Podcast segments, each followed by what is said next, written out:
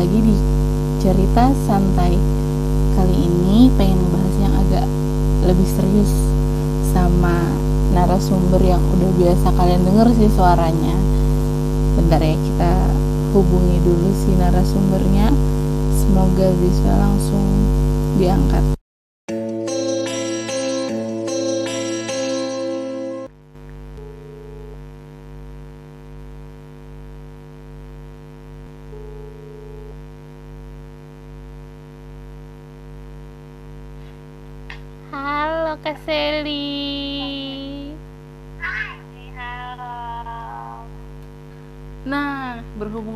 Seli nih di sini nih, Wiwit pengen menanyakan tentang hmm, tentang apa ya?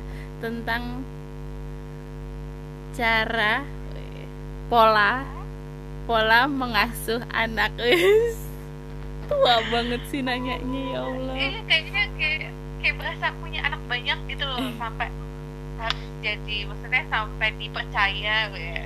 loh nggak perlu punya anak banyak untuk bisa dipercaya gitu loh satu uh, anak atau dua anak cukup gitu. Karena uh, belum ini, ini iklan KB atau apa sih? Karena belum tentu kan yang banyak anak pola asuhnya itu berkualitas sadap. Asik asik asik. Jadi mau di, mau dimulai dari mana? Um, karena pola asuh itu luas banget ya sebenarnya. Kalau kita mau ngebahas soal pola asuh itu luas banget gitu. Jadi mau mulainya dari mana itu mungkin enaknya seperti itu mau apa yang dibahas gitu soal, soal pola asuh uh, simpelnya adalah gimana caranya bisa sabar menghadapi anak-anak yang dalam masa pertumbuhan yang lincahnya luar biasa gitu. Itu termasuk pola asuh kan? Pola asuh untuk orang tuanya. Uh, uh, kalau itu lebih ke ini ya stress management. Kalau itu sebutannya stress management. Jadi bagaimana orang tua bisa memanage stresnya ketika menghadapi anak yang bertingkah dalam tanda kutip ya bertingkah gitu. Anak-anak setiap anak tuh pasti punya cara masing-masing untuk bertingkah. Jadi uh, apa tinggal bagaimana kita orang tua mencoba memahami dan meminimalisir tingkahnya itu gitu. tingkahnya dalam arti di sini bukan yang tingkah pada umumnya tapi tingkah yang dalam tanda kutip yang memang bisa bikin kita stres bisa kita bisa bikin kita emosi gitu. Jadi misalnya nih contohnya nih misalnya kayak uh, anak kita ah contoh gampangnya nih bertingkah ketika di tempat di depan eh di tempat umum. Ya jadi dia yang lagi heboh sekarang adalah bukan sekarang sih dari dulu ya. Anak itu melihat dan dia bertingkah ya nggak sih ya? Dan parahnya di semua pusat perbelanjaan itu ditaruhnya deket kasir. Pastinya. Nah, ya itu memang strategi kali ya itu iya. ya. Nah itu udah tuh orang tua tuh pasti udah pasti kalah. Karena karena di tempat umum daripada anaknya ribut hmm. bikin malu akhirnya memilih untuk uh, ya udahlah beliin aja lah ya udahlah beliin. Akhirnya statement anak itu uh, statement anak itu gak ngerti apa-apa salah. Hmm. di sini pembuktiannya bahwa anak itu lebih pintar daripada kita. Kenapa? Karena dia sudah tahu dengan menangis dia dapat dengan nangis dia dapat dan itu akan dia ulang terus gitu. Betul. sampai dengan bisa merubahnya. Nah itu kan salah satu bertingkah yang bikin kita sesuatu banget ya. Kalau mau kita lihat dari stress management dari kita, orang tuanya uh, kita mesti ini sih. Yang penting tuh kita mesti kuat. Nggak usah mikirin ah malu atau diliatin orang. Nah, ini anak kita kok gitu ya. Buat apa kita mikirin omongan orang gitu? Karena sekali kita mikirin omongan orang ya udah hancurlah itu uh, kebiasaan yang maksudnya yang tadinya kita ingin tanamkan ke dia itu bakalan hancur. Cuman gara-gara kita mikirin omongan orang. Jadi ketika kita lagi di luar atau di tempat umum gak usah mikirin orang berpikiran apa ini loh anak kita gitu. Kalau dia ngambek biarin aja dulu. Karena memang itu nggak penting-penting banget lah ya. Jadi nggak perlu nggak ini contoh aja nih mohon maaf nih. Ya gitu ini cuma contoh itu tuh bukan hal yang urgent yang harus dibeli ya, gitu kan. jadi si anak harus tahu itu bahwa ke, ke supermarket itu nggak harus selalu beli. Hmm. gitu. Nah bagaimana menanamkan itu? Kita nggak mungkin yang nggak nggak bisa nak. Nggak boleh. Emangnya ke Indomaret itu harus beli sebut merek mulu ya tadi ya emangnya ke Indomaret itu harus beli? Nggak nggak mungkin kita nasihatin anak seperti itu. Hmm. kita diemin aja dulu. Diemin atau kalau perlu malah uh, kita keluar aja berjalan ke kendaraan kita. Atau arah pulang lah gitu. Otomatis dia nggak mungkin dong dia akan duduk lama diem di sana.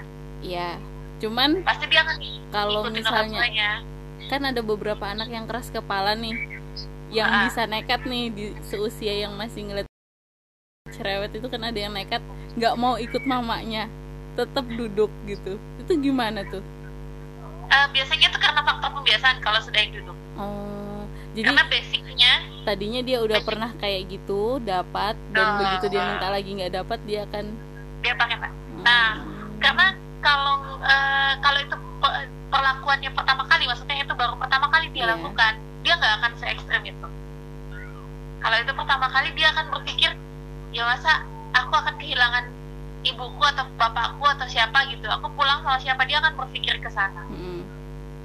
kalau aku ditinggalin aku sama siapa? Eh, dia anak kecil itu sangat takut yang namanya ditinggalkan.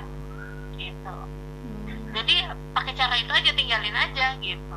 Cuman kan juga dia mungkin pasti ada Apa? yang bilang kok tega banget sih? gitu ninggalin anaknya. Kan oh, anaknya masih kecil. Nah, itu salah satu kita terlalu mikirin omongan orang iya sih walaupun kita juga nggak kenal kenal banget sama orang yang ada di situ pada saat itu oh, kan.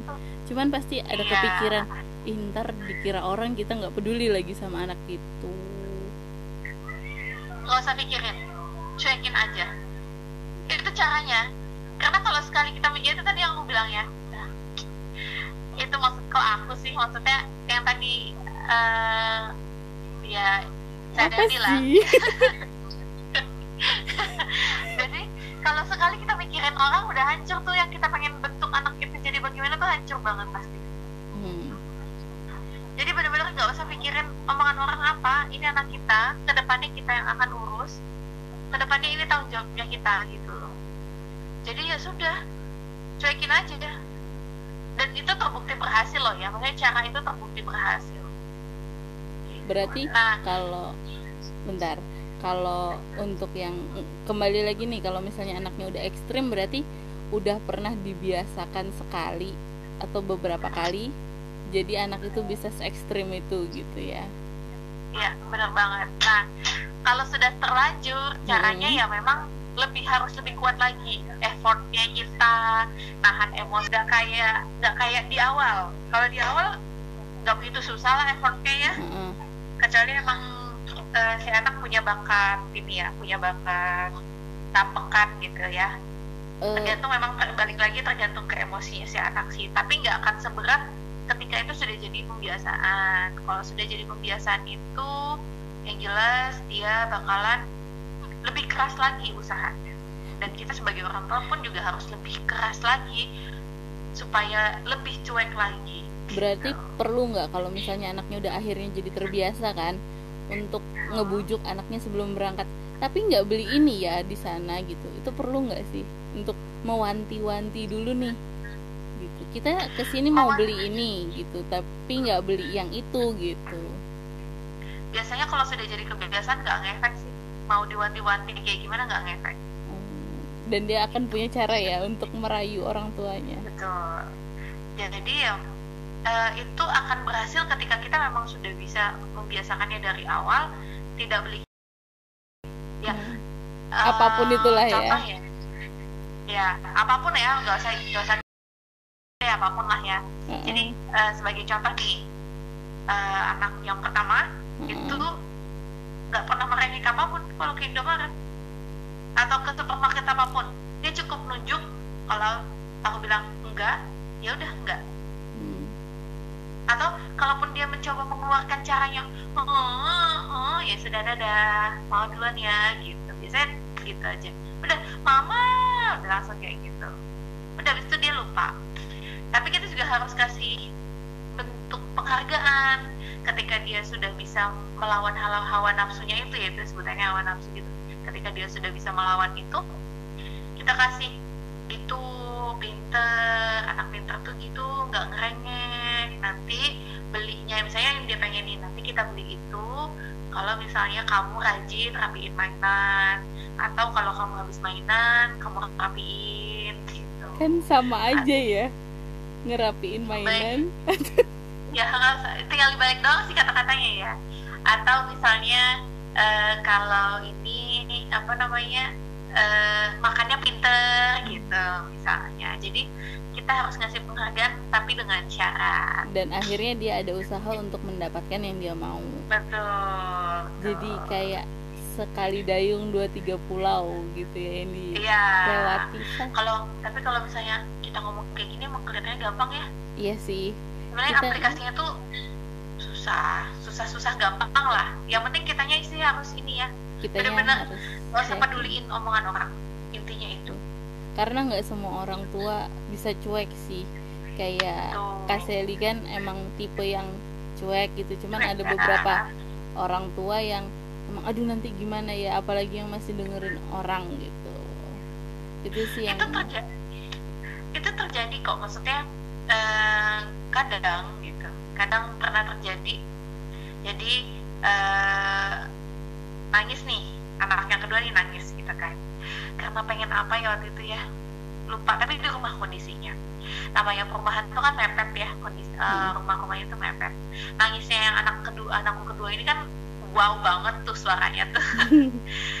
Kalau aku pribadi nggak akan mikirin orang orang lain keganggu tuh juga nanti dia bakalan diem ya kan? Hmm. keganggunya seberapa sih gitu tetangga iya. tapi suami tuh ya nggak mau udah udah udah kasih aja kenapa sih? gitu. Udah kasih aja kenapa sih? gitu yang dia mau tuh apa? Dikasih aja. Terus ya kita sebagai orang tua karena tahu yang baiknya bagaimana ya harus bisa berargumen juga gitu. Mau dikasih sekarang tapi seterusnya dia akan gunakan senjata itu atau kita eh, mau peduli dengan tetangga mau uh, mendengarkan kata-kata tetangga dan itu jadi jadi senjatanya si anak atau mau anak itu ngikutin apa rulesnya kita. Jadi sempat uh, kasarin kayak gitu kasarin kayak gitu ini terus baru diem akhirnya. Maksudnya Berat. suami tuh diem gitu. Oh iya sih mungkin bener juga maksudnya gitu. berarti peran orang tua juga bukan cuma satu orang tapi memang dua orang harus benar-benar kompak dan tahu gitu kan prinsipnya itu gini gitu betul. Nah jadi uh, ini nyambung lagi ke hal yang lain ya. Tadi itu untuk masalah tantrum jadi ketika orang tua itu tidak satu visi misi hmm. dalam mengasuh anak hmm. anak ini akan bingung. Dia akan ngikutin aturannya siapa. Gitu. Iya. ketika dia bingung mengikuti aturannya siapa akan muncul gejala gangguan psikologis pada si anak. Nah, ini yang sangat sering terjadi di uh, Indonesia di daerah mana pun lah ya. Dan itu, itu sering terjadi. Itu awal-awal si anak jadi trauma kah gitu. Jadi dia punya sifat lain lagi ntar uh, ke depannya setelah melihat orang tuanya sering beradu, beradu argumentasi karena pola asuh terus tuh nanti timbul uh, trauma baru untuk si anak dan jadi timbul lagi masalah apa ya kelakuannya dia yang lebih aneh-aneh lagi gitu nggak sih? Pengaruh nggak sih itu pengaruh banget. Jadi uh, efeknya tuh macam-macam tergantung tipikal anaknya bagaimana dan keributan di rumahnya bagaimana gitu. Saya nggak satu visinya nggak satu visi misinya itu diwujudkan dengan berantem di depan si anak. Hmm. otomatis jelas emosi anak akan sangat terganggu sekali. Hmm. uh, kemudian uh, anak mungkin juga akan meng mengikuti atau mengcopy cara kita menyelesaikan masalah dengan marah-marah gitu. Kemudian karena kan anak itu masih modeling ya, jadi apa yang dia lihat ya itu yang dia lakukan. Nah, uh, terus kalau misal kalau misal pun orang tuanya memang tidak satu misi satu visi misi, tetapi tidak pernah berantem di depan anak tidak. Tapi tetap akan membuat si anak kebingungan aturan mana yang akan diikuti akhirnya apa? Mudah membangkang. Oh berarti misalnya nih di depan si anak orang tuanya nggak pernah e, mempermasalahkan itu gitu kan. Cuman ketika si anak sama si ayah dia dibolehkan untuk A tapi begitu sama si ibu dia nggak boleh itu ada kecenderungan untuk membangkang gitu. Betul. Karena dia tahu oh sama ini boleh kok. Jadi nggak punya aturan yang jelas gitu. Hmm, hmm. nah aturan itu juga memang harus dari kedua belah pihak gitu. Bahkan sebenarnya bagusnya lagi misalnya kita memang belum bisa tinggal sendiri ya maksudnya belum bisa yeah. tinggal suami istri dan anak gitu. Tapi masih gabung sama orang uh, mungkin mertua atau sama orang tua sendiri. Nggak cuman orang tuanya di sini yang berperan. Tapi si nenek kakeknya juga harus tahu ini aturanku begini jangan sampai di otak atik gitu. Hmm. kalau di otak atik udah dia makin makin. Jadi uh, si anak ya makin ngerasa ada pembelanya gitu. Kalau ngomongin pola asuh anak tuh kan emang luas banget ya. Luas banget. Nah, benar. dan untuk Wiwit sendiri kan emang belum pernah ngalamin gitu. Cuman uh, sepenglihatan Wiwit kayak yang di sosial media gitu-gitu untuk beberapa artis dan selebgram mereka mendidik anaknya itu yang bener-bener kayak karena mungkin mereka juga ada yang beberapa tinggal sama eh sudah tinggal sendiri tapi ada beberapa yang masih tinggal sama orang tuanya.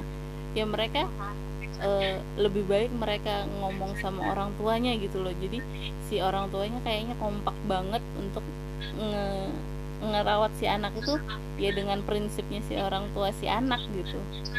Iya ngomong apa sih muter-muter ya Allah. Intinya saya gini orang tuanya di rumah itu sepakat sama anaknya bahwa Untuk... tidak akan mengganggu gugat aturan dalam mengasuh cucunya. Iya gitu gitu, gitu. karena kedobel orang tuanya orang tuanya yeah, tadi tuh. Jadi akhirnya kayak muter. Iya seperti itu sih. Jadi memang harus. Tapi memang ada juga yang akhirnya nggak sepakat nah kalau nggak nggak sepakat sih memang ada baiknya. Yang namanya rumah tangga ya memang harusnya cuma ada nenek ibunya bapaknya anaknya gitu kan. Hmm. tidak tidak ada si nenek tidak ada si kakek gitu. Mungkin tapi kalau ada tapi saat berkunjung gitu kan. Berkunjung Betul, ke rumah kakek nenek gitu. gitu kalaupun memang ada nenek dan kakeknya ya kita pastikan bahwa nenek dan si kakek ini paham rulesnya kita mengatur anak tuh begitu. Tapi tidak menutup kemungkinan untuk kita jadi misalnya gini walaupun kita uh, aturannya begini tapi juga kita tidak menutup mata. Oh, misalnya diberikan saran oleh bapak atau ibu mertua kita bagusnya gini loh gitu. Hmm. jadi kita tidak menutup mata. Oh kalau bagusnya gitu bagaimana kalau gini aja tengahnya gitu. Jadi lebih ke kompromi juga penting ya? Iya, kompromi. Iya, jadi uh, kita ambil win-win solutionnya aja. Kalau misalnya si kakek nenek maunya begini kita maunya begini ya udah tengahnya bagaimana? Kalau misalnya ternyata si kakek neneknya tuh kelihatannya malah lebih memanjakan kasih tahu efek dari memanjakan itu nggak bagus loh gitu. Bisa bikin anak jadi begini jadi begitu jadi begini jadi begitu gitu. Jadi jadi ya uh, di sini kekuatannya asertif. Jadi setiap orang tuh harus bisa mengemukakan pendapatnya kalau dirasa itu benar. Kalau dirasa dengan catatan itu harus benar gitu. Hmm. Asertif itu perlu. Ngomong-ngomong kok malah jadi begini ya gini. kita jadi ya kita bisa menyimpulkan udah banyak tuh pola asuh anak dari yang awalnya uh, apa tadi tuh yang pertama untuk lain uh, emosi kontrolnya si orang tua pertama. Oh iya iya betul betul. hmm, baru manajemen stresnya. ya manajemen stres tantrumnya si anak terus itu ke apa kekompakan orang tuanya untuk ngasuh gitu kan menyamakan visi. Terus sampai bukan cuma orang tua tapi sampai ke mertua gitu. Iya. dan orang tua semua orang yang ada di rumah ya orang-orang yang akan berhubungan dengan si anak gitu kan. Ya, nah, bahkan pengasuh pun misalnya kita memutuskan untuk ada pengasuh bahkan pengasuh pun juga harus satu visi misi gitu. Hmm. dan supaya anak nggak inilah nggak cari tameng. Iya mungkin sama pengasuh dia bisa oh iya pengasuhku ini kan pasti punya perasaan gak enakan gitu kan. Jadi aku bisa nih berlindung gitu. Iya kadang dijadiin senjata lah sama si anak. Iya begitu sama si pengasuh dia bisa mau semaunya gitu kan tapi begitu sama ada orang tuanya dia yang gimana gimana ah, gitu iya gitu ya. dan gitu. yang biasanya dia uh, mau nyimpunin cuman karena sama pengasuh pengasuhnya nggak enak udah dibayar akhirnya si pengasuh yang nyimpunin gitu terus ah, sebenarnya iya. kayaknya pembiasaan-pembiasaan gitu sih yang kayaknya ngebuat anak-anak jadi uh, wah dapat celah nih untuk ngebohong ngebohong dikit gitu nggak sih kak Seli? Uh, ngebohong itu proses belajar. Hmm. Ngebohong itu jadi nggak uh, bisa kita bilang bahwa dari situ dia timbulnya ngebohong ya, hmm. tapi lebih ke uh, proses pemahaman proses dia belajar memahami bahwa oh berarti kalau ngomong tidak sesuai dengan kenyataannya gitu. Jadi dia ada proses berpikirnya dulu. Oh nggak apa kayaknya kalau ngomong nggak sesuai dengan kenyataannya gitu. Nah itu tuh bisa bikin si anak jadi mudah berbohong karena dia tidak mendapatkan penjelasan bahwa nggak bagus ngomong kayak gitu tuh gitu. Kadang tuh anak sebenarnya tidak niat berbohong tapi dia tidak tidak bisa menceritakan yang realnya tuh bagaimana tuh ada. Maksudnya dia bi tidak bisa menceritakan kejadiannya bagaimana tapi dia hanya mengiyakan asumsi dari kita. Jadi misalnya nih contoh. Anak itu lagi mainan sama temennya terus habis itu uh, pada saat mainan dia orang tua ini nggak lihat gitu kan orang tua nggak lihat tiba-tiba nangis. Terus kita nanya kak kenapa? Kenapa nangis sakit sakitnya kenapa? Ini kenapa? Dipukul temennya. Nah akhirnya dia iya. dipukul nggak tadi? Akhirnya dijawab iya. Padahal mungkin sebenarnya nggak dipukul temennya. Karena dia cuman apa ya ngomong-ngomongnya mau jelasinnya apa? Ya sudahlah iyain aja lah gitu. Jadi kita memang harus menunggu.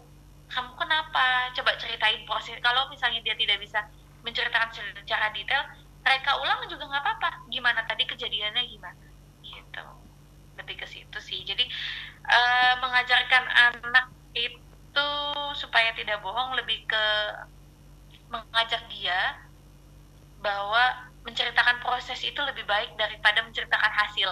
Oh iya iya ngerti ngerti. Gitu.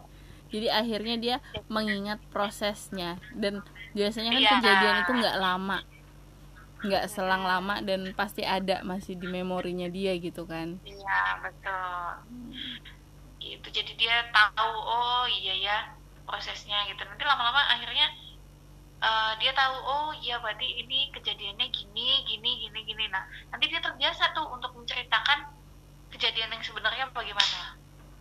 Bukan mengikuti asumsi kita. Kalau sudah mengikuti kamu dipukul temanmu? Akhirnya dia mau jawab enggak tapi jelasinnya gimana? Mau jawab iya juga. Ya sudahlah iya aja. Terus nanti besok besoknya tangis kenapa? Dipukul teman. Padahal dia nggak tahu kalau itu tuh bohong gitu. Hmm. cuman karena cuman melanjutkan uh -uh. berarti sama juga kayak uh, kita mengajarkan anak-anak untuk menceritakan proses itu bisa membuat dia untuk jadi tidak bohong gitu meminimalisir betul. Karena nanti pada saat dewasa kan sudah ada pengaruh dari lingkungan ya yeah. gitu. tapi pembiasaan dari kecil itu penting. Jadi uh, itu juga tidak menjamin nanti ketika besar dia tidak bohong. Karena kadang-kadang orang orang dewasa atau orang sudah ya nggak usah dewasa lah. Ketika sudah dia bertemu dengan lingkungannya pasti bi bisa tuh yang namanya bohong-bohong untuk kebaikan tuh. White lie lah istilahnya ya kebohongan putih lah gitu. Hmm. pasti ada dia melakukannya jadi kayak misalnya kok mainanmu rusak? Terus dia mungkin mau melindungi temennya iya tadi aku yang rusak. Gitu dia itu belajar dari lingkungan kalau yang seperti itu. Se gitu. sebenarnya sih kalaupun dia ngomong jujur juga mungkin kita nggak akan marah gitu kan. Iya. cuman karena dia ada jiwa untuk ngelindungin temen gitu. Teman gitu jadi ya tadi sih. Jadi bohong itu tidak murni dari pola asuh tapi juga ada pengaruh dari lingkungan. Sebenarnya juga semua semua sikap kita itu tidak murni dari pola asuh. Jadi pola asuh jadi sikap kita itu berapa persen uh, berapa persen dari genetik berapa persen dari pola asuh dan berapa persennya lagi dari lingkungan. Hmm. dan sebenarnya yang paling besar ya di lingkungan. Berat tapi gini Hud pernah dengar anak itu adalah pengkopi yang baik. Jadi apa pun yang dilihat sama dia itu akan diulang sama dia gitu. Berarti ya. itu kan termasuk kita sebagai orang tua berarti termasuk lingkungan dong. Kalau dia kita termasuk lingkungan. Uh -uh. ketika dia sudah besar. Oh. Tapi awalnya kita menjadi si pola asuh itu dulu. Sosok yang mengasuh hmm. gitu begitu nah tadi sempat apa tadi ya uh, tadi ngebahas apa sih sebelumnya tadi tuh? Yang Wiwit simpulkan tadi? Uh, ketika stress sudah manajemen apa? Ketika nah, sudah besar lupa tuh. lupa deh. Skip dulu deh nanti kalau udah inget ngomongin lagi deh. Bisa gitu ya. Iya, mungkin terlalu serius ya gitu. Iya. Terlalu maksudnya terlalu serius uh, otaknya akhirnya tuh leluconnya hilang gitu loh tapi tapi Wiwit jadi ngangkat tema ini ini karena ya emang Wiwit suka gitu. Pertama suka main sama anak kecil. Cuman kan uh, kita nggak tahu se uh, anak kecil itu dari rumah dapat pola asuh seperti apa. Jadi untuk ya, ngebuat Wiwit bisa main sama si anak tanpa harus ngerusak pola asuh dari orang tuanya gitu. Jadi bener-bener harus ngelihat wah nih anak kira-kira gimana ya dari orang tuanya? gitu kan. Nah makanya itu yang bikin Wiwi tertarik buat belajar pola asuh walaupun nggak tahu punya anaknya masih belum kebayang gitu kan. Tapi iya itu jadi ngebuat jadi kayak ada oh iya berarti ini orang tuaku ngasuh aku dulu gini gini gini. Oh iya ada manfaatnya ya. Ternyata sekarang gini. Nah dan bisa diaplikasikan ke keponakan-keponakan sepupu-sepupu yang masih kecil gitu. Itu sih itu yang bikin oh. apa itu? Udah inget ya, udah ingat udah ingat. Jadi tadi tuh pengen ngomong gini uh, tadi mengkopi kan mm -hmm. masalah mengkopi tadi. Bener bahkan untuk kita membiasakan dia merapikan sesuatu itu harus bentuk dari mengcopy. Jadi Berarti. kita nggak nggak nggak bisa yang namanya rapiin mainan. Ayo langsung rapiin mainan gitu. Nggak bisa cuma merintah gitu. Hmm. ah nggak ngefek. Tapi yuk rapiin mainannya yuk. Sama-sama nih kayak gitu. mamah gini gitu. Jadi uh, pengalaman di anak pertama itu ya. Maksudnya uh, Kasari bisa ngomong kayak gini karena memang pengalaman yang di anak pertama itu menerapkannya seperti itu gitu. Jadi hmm. yuk kita rapiin yuk gitu rapiinnya tuh gini eh balapan yuk balapan. Cepatan siapa yang bisa rapiin mainannya? Gitu. Hmm. nanti dapat uh, karena yang anak pertama ini doyannya makan roti gitu nanti dapat roti yo gitu. Atau nanti dapat susu hmm. siapa yang mau? Gitu. Awalnya kita temenin. Nah biar apa? Dia bisa mengcopy perilaku kita. Kemudian nanti kalau misalnya sudah menganggap ya pembiasaan itu seminggu sih menurut uh, tergantung anak tapi biasanya seminggu tuh udah cukup. Jadi misalnya kayak dalam seminggu ambil tujuh hari berarti ya untuk membiasakan dia main uh, rapikan mainan tiga hari itu kita kasih tunjuk dulu cara rapiin mainan itu bagaimana. Hmm. gitu.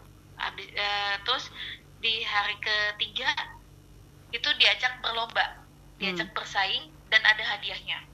Di hari keempat kita suruh yang maksudnya kita menyuruh dia tanpa kita bantu dengan ada hadiahnya begitu terus dengan ada hadiahnya terus lama-lama hadiahnya pelan-pelan dihilangin gitu.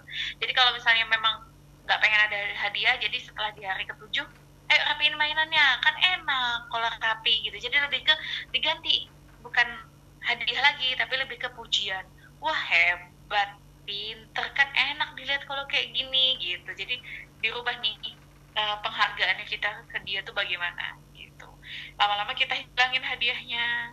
Akhirnya apa sekarang itu alhamdulillah yang anak pertama cukup ditunjuk aja mainannya gitu. Hmm. nunjuk sambil nyebut mainannya udah dia langsung ya ya rapiin gitu. Langsung tahu. Uh, itu kan untuk uh, Kaseli yang notabene ada di rumah terus. Eh enggak sih ya selama PSBB nih mayorit eh, keseringan di rumah.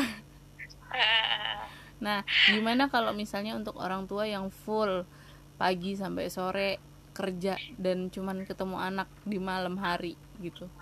Untuk membiasakan kayak gitu kan berarti otomatis dia dititipkan sama yang ada di rumah atau sama perawatnya kan gitu. Atau apakah kita harus koordinasi sama si yang jagain atau tetap kita yang turun tangan harus koordinasi. Karena kalau nggak koordinasi bisa kacau. Dan oh bisa kacau banget. ya wait ingat. Jadi uh, agak jauh nih melenceng. Mandiin anak waktu bayi sendiri itu bisa ngebangun bonding antara orang antara si ibu dan si anak. Itu ngaruh nggak sih ke Sally? Jadi misalnya uh, kita mandiin dia ngurusin dia dari kecil gitu kan mandiin pakein baju sampai akhirnya dia udah lebih gede uh, kita ngasih tahu dia tuh jadi lebih gampang gitu. Itu ngaruh nggak? Nggak. Nggak ya? Kalau bondingnya mungkin iya ya nah. tapi kalau kalau bondingnya mungkin iya tapi kalau kita nyuruh langsung lebih kena tuh enggak enggak oh, percuma ya? Karena memang kita ngasih tak konsepnya anak itu berpikir tuh mandiri ya. Uh. anak itu sudah punya pola pikir sendiri. Jadi nggak nggak serta merta kita ngasih tahu itu tuh lebih ke bentuk pembiasaan itu tadi. Kalau kita ke anak itu semuanya bentuk pembiasaan. Hmm. gitu. Nah masalah bonding tadi sebenarnya bukan hanya mandi. Sebenarnya yang yang lebih kuat itu kalau tidurnya bersama di hmm. kasur yang sama. Itu lebih lebih sih. Lebih kuat lagi kalau sama mandi sekalian. Lebih kuat lagi kalau misalnya kita ngurus sendiri sekalian. Nah itu memang lebih kuat lagi. Jadi semakin kuat gitu tapi tidak menutup kemungkinan. Jadi gini percuma kan kita ngurusin sendiri tapi tidak ada kasih sayang yang kita tunjukkan ke dia. Iya iya benar-benar perlu perlu banget kita bisa menunjukkan rasa sayang kita ke dia itu perlu banget. Karena si anak juga jadinya terbiasa uh, dengan segala bentuk emosi. Hmm. gitu. Jadi dia tahu oh ini oh ini senang toh. Oh ibuku ini sayang toh. Oh ibuku ini marah. Oh ibuku ini sedih gitu. Jadi dia bentuk dengan yang seperti ini ini sayang bentuk seperti ini ini marah gitu ya. Ya gitu. Tadi tuh sampai mana ya ya tadi uh, masalah koordinasi sama pengasuh itu penting banget. Hmm. siapa pun yang ngasuh entah itu ibu kita atau ibu mertua atau pengasuh benar-benar neninya gitu ya hmm. itu bener-bener harus koordinasi. Kalau enggak tuh kacau banget bakalan berantakan. E, sebenarnya pembiasaan rapiin mainan itu bukan pada saat psbb ini sih. Jadi e, waktu itu karena memang ada kesibukan jadi nggak intens dalam seminggu. Iya. Yeah. lebih tepatnya gitu. Jadi kayak sebisanya aja. Nah terus uh, kalau mungkin kalau mau diintenskan dalam seminggu tuh bisa. Karena pernah nyobain itu toilet training mm-hmm. nah it uh, dicoba itu sebenarnya pernah nyoba gitu kan seminggu. Tapi habis itu diserahkan ke pengasuh. Pengasuhnya ya nggak usah diceritain lah soal pengasuhnya ya. Serahin ke pengasuh pengasuhnya nggak pengen repot dipakein pempes lagi. Mm. wah hancur berantakan. Jadi seminggu itu berasa sia-sia. Sia-sia. Nah akhirnya berhasil setelah benar-benar seminggu itu nggak uh, kebetulan memang tidak ada kesibukan sama sekali waktu itu di rumah aja seminggu. Itu ngebiasain tuh. Berhasil. Bisa dan akhirnya benar-benar lepas. Lepas pampers. Bahkan malam pun juga udah bisa lepas pampers. Diapers. Bukan yang uh, bukan oh ya sorry. Bukan yang bukan yang uh, kadang kan ada orang yang ya nih dia udah nggak pakai diapers nih gitu kan udah nggak pakai popok tapi pas tidur masih dipakein gitu yeah. itu sama aja kali ya gitu ya belum lepas kali itu gitu. jadi tuh uh, apa kita tuh perlu banget yang namanya koordinasi dalam mengasuh anak tuh perlu hmm. entah itu sama pengasuh atau sama siapa pun tuh sangat sangat perlu sekali karena program apa pun nggak akan berhasil kalau nggak dibantu sama orang misalnya kita nggak megang sendiri nggak dibantu sama orang yang ngasuh dia juga nggak akan berhasil gitu. Jadi inti dari pola asuh itu adalah koordinasi kita kekompakan kita untuk menyamakan visi seluruh isi rumah sama yang kita mau gitu. Dan tapi tidak menutup kemungkinan untuk menerima saran dari mereka betul ya kan? betul betul sekali. Karena siapa tahu kita memang ada salah gitu. Iya. Dan oh uh, ya ada baiknya gini gitu misalnya. sebagai milenial gitu kan orang tua yang ibaratnya moder modern nih gitu. Dengan orang tua zaman dulu kan pasti ada beberapa yang beda cara ngasuhnya cuman kan cara didik biasanya udah uh, yang A udah jadi kebiasaan nih gitu.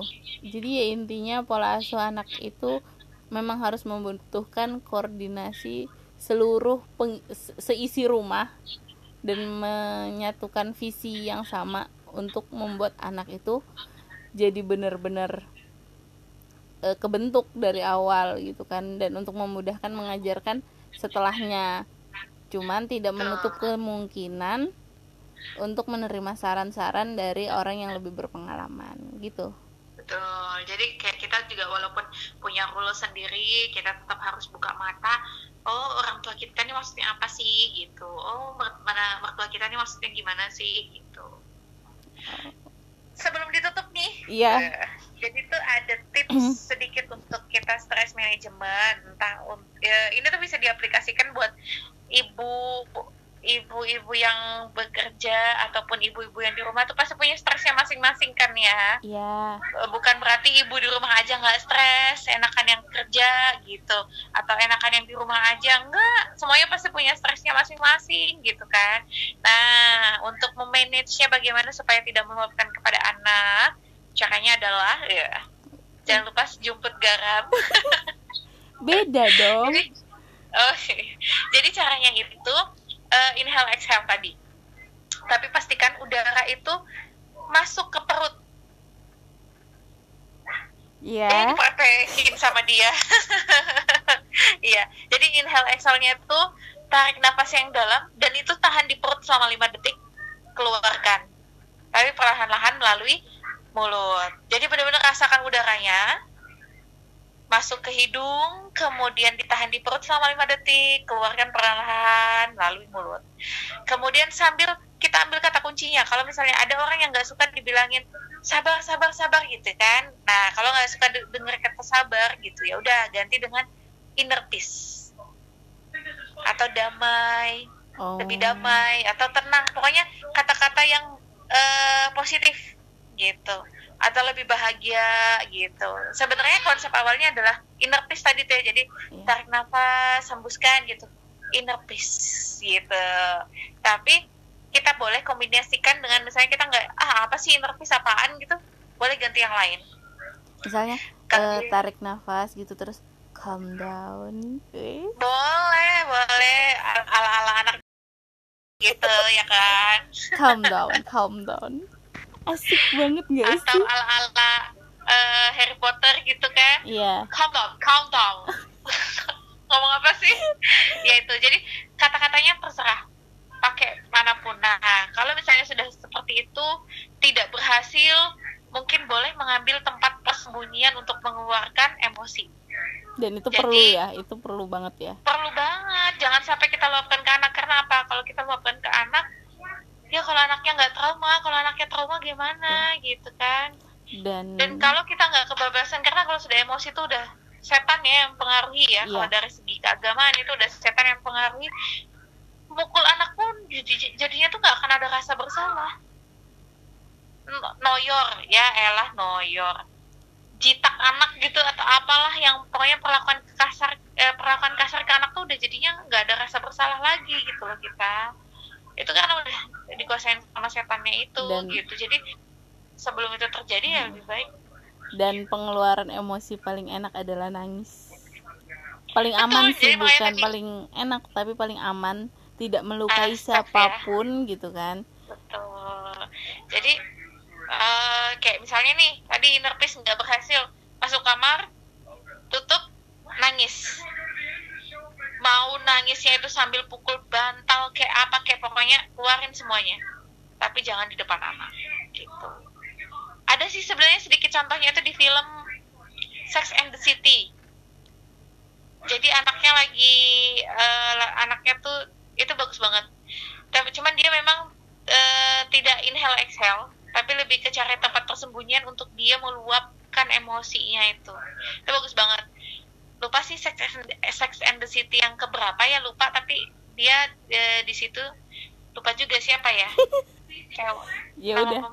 intinya lupa. ya, itulah pokoknya. Intinya lupa tapi di film itu ada dipraktekkan gitu. Jadi sebenarnya di luar negeri itu udah udah banyak dipraktekkan untuk uh, ini gitu ya untuk menahan emosi gitu. Itu sedikit tipsnya sih.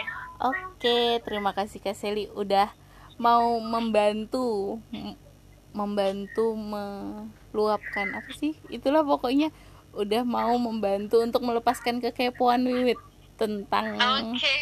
tentang pola asuh anak dan semoga bisa diterapkan ntar kalau punya anak atau nanti kalau misalnya pas lagi ngumpul sama keponakan atau sama sepupu gitu. Iya betul. Betul. Jadi sebaiknya memang dilatih kali ya dari sekarang iya. gitu kali ya.